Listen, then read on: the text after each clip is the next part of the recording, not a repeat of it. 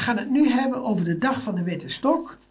En daarvoor hebben we aan de telefoon uh, Karin Hoefmans en John uh, Snijken. En John, of ik wil eerst van Karin even weten, van wat is nou eigenlijk de dag van de witte stok? De dag van de witte stok, dat is een internationale dag. En die wordt dus over heel de wereld wordt er aandacht gegeven aan het oversteeksignaal uh, van de witte stok. Dus dat mensen met een visuele beperking veilig over kunnen steken. Goed. En John, en jij had, had een verhaal over Kerkrade, dat daar voor het station een heel vreemde zebra ligt. Nou, ja, dat is het hem juist. Er, ligt een zebra uh, voor het museum te liggen. Althans, dat lijkt op een zebra, maar dat lijkt achteraf iets van een kunstenaar te zijn, een kunstzinnig ontwerp. Uh, en zo is het voorplein van het museum is een soort zebrapad. Maar juist waar de weg begint, waar je als voetganger moet oversteken om de bus aan de overkant te kunnen halen, ja, daar ontbreekt juist een zebrapad of überhaupt een veilige oversteekvoorziening. Maar ik dacht dat daar iets was dat je namelijk de zebra overstak en dat dan tegen, het, uh, tegen een lantaarnpaal aan donderen.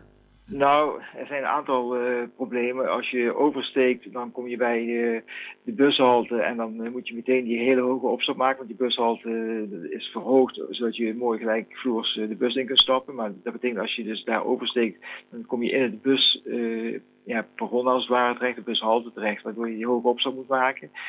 Uh, als je uit de bus wil komen en je zou dan de bushalte aflopen, dan uh, loopt de glijdenlijn inderdaad uh, tegen de lantaarnpaal en voorbij de lantaarnpaal. En, en hoeveel mensen zijn al met een hersenschudding het ziekenhuis ingebracht?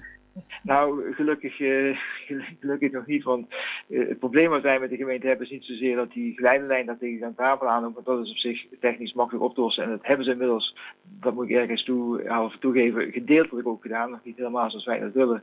Maar uh, ze hebben een, een, gedeelte daarvan het probleem opgelost.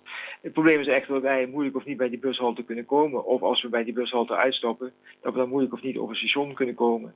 Want ja, zoals wij altijd zeggen binnen de oververeniging uh, een, een, treinstation is geen eiland. Dat moet een uh, voorziening zijn die je uh, kunt bereiken. Dus waar je op moet kunnen komen op het station. Maar je moet er ook vanaf kunnen komen.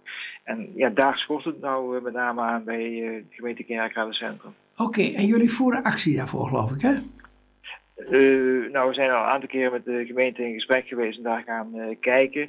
Maar uh, ja, uiteindelijk heeft de gemeente toch besloten in al zijn wijsheid om ons verzoek om daar een veilige oversteek te maken. Of beter gezegd, om de bushalte goed bereikbaar te maken. En hoe ze dat doen, dat vinden wij eigenlijk minder belangrijk. Hè. Ze kunnen ook die bushalte verplaatsen naar de overkant. Dat zou makkelijk kunnen. Er zijn, is ruimte genoeg voor, zodat de bus een rondje okay. moet rijden. Oké, ik ga even aan Karin vragen van...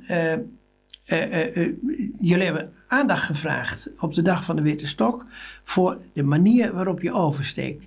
En zou jij nou voor de luisteraars eens even kunnen uitleggen hoe dat gaat? En dan ga ik even uit van de stand dat een, een blinde of slechtziende, die loopt met een stok en die loopt met die stok schuin naar voren. En die heeft, heeft de punt van de stok op de grond. En wat doet hij dan als hij bij de rand van de weg staat? Nou, dan gaat hij bij de rand van de weg staan en dan zet hij zijn punt net zeg maar uh, van de stoeprand af.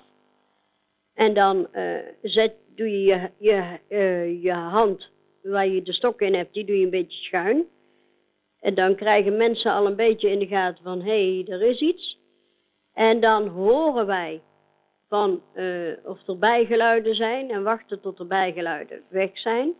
En dan gaat die stok, die gaat omhoog. die gaat zeg maar zo ongeveer schouderhoogte. Ja. Dan wachten we nog een paar seconden en dan steken we over. Ja, en dan vraag ik mij altijd af van, eh, steek je dan op eh, niet uh, mensen die daar toevallig lopen uh, in de buik of, of dat je een, een auto bekraast? Ja, iedereen moet gewoon opletten. Dit is een officieel, officieel stopteken. Dit is in de wet vastgelegd dat wij het zo moeten doen. En wij zien het niet. Dus wij moeten het hebben van een bijgeluid. Uh, als er een auto aankomt, ja, nou ja, dan zal ik die auto niet bekrassen, want dan wacht ik met mijn stok uitsteken tot die auto weg is. Oké. Maar als daar zo'n hele dat- stille i bij komt, ja, dan hoor je hem niet. Goed, eh, daar gaan we het bij laten. Eh, eh, in ieder geval succes met jullie acties. En eh, nou ja, wie weet, tot ziens. Prima. Dag. Dank u wel. Dag. Dag.